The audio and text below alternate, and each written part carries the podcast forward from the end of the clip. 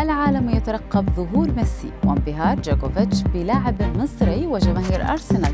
تحتفل بأهداف السيتي إليكم أبرز أخبار الرياضة في الساعات ال 24 الماضية في دقيقتين على العربية بودكاست. تتجه أنظار العالم اليوم إلى العاصمة الفرنسية باريس لرؤية النجم الأرجنتيني ليونيل ميسي بقميص ناد غير برشلونة لأول مرة ميسي يظهر اليوم بقميص سان جيرمان في مواجهة ريمز بجانب نيمار ومبابي ودي ماريا يذكر أن ظهور ليتأخر حتى الجولة الرابعة من الدوري الفرنسي.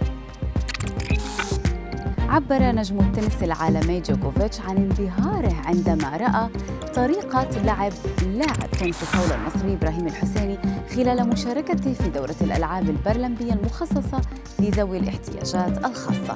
إبراهيم يمارس اللعبة بفمه بدلا من يديه المبتورتين في حادث قطار تعرض له عندما كان في العاشرة من عمره.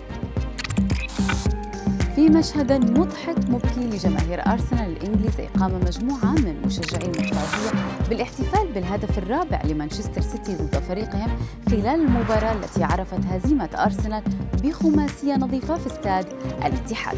فريق المدرب أرتيتا خسر المواجهة الثالثة على التوالي ليتذيل الترتيب ولم يسجل أرسنال حتى الآن لكنه استقبل تسعة أهداف لتعلو الأصوات مطالبة برحيل المدرب الإسباني.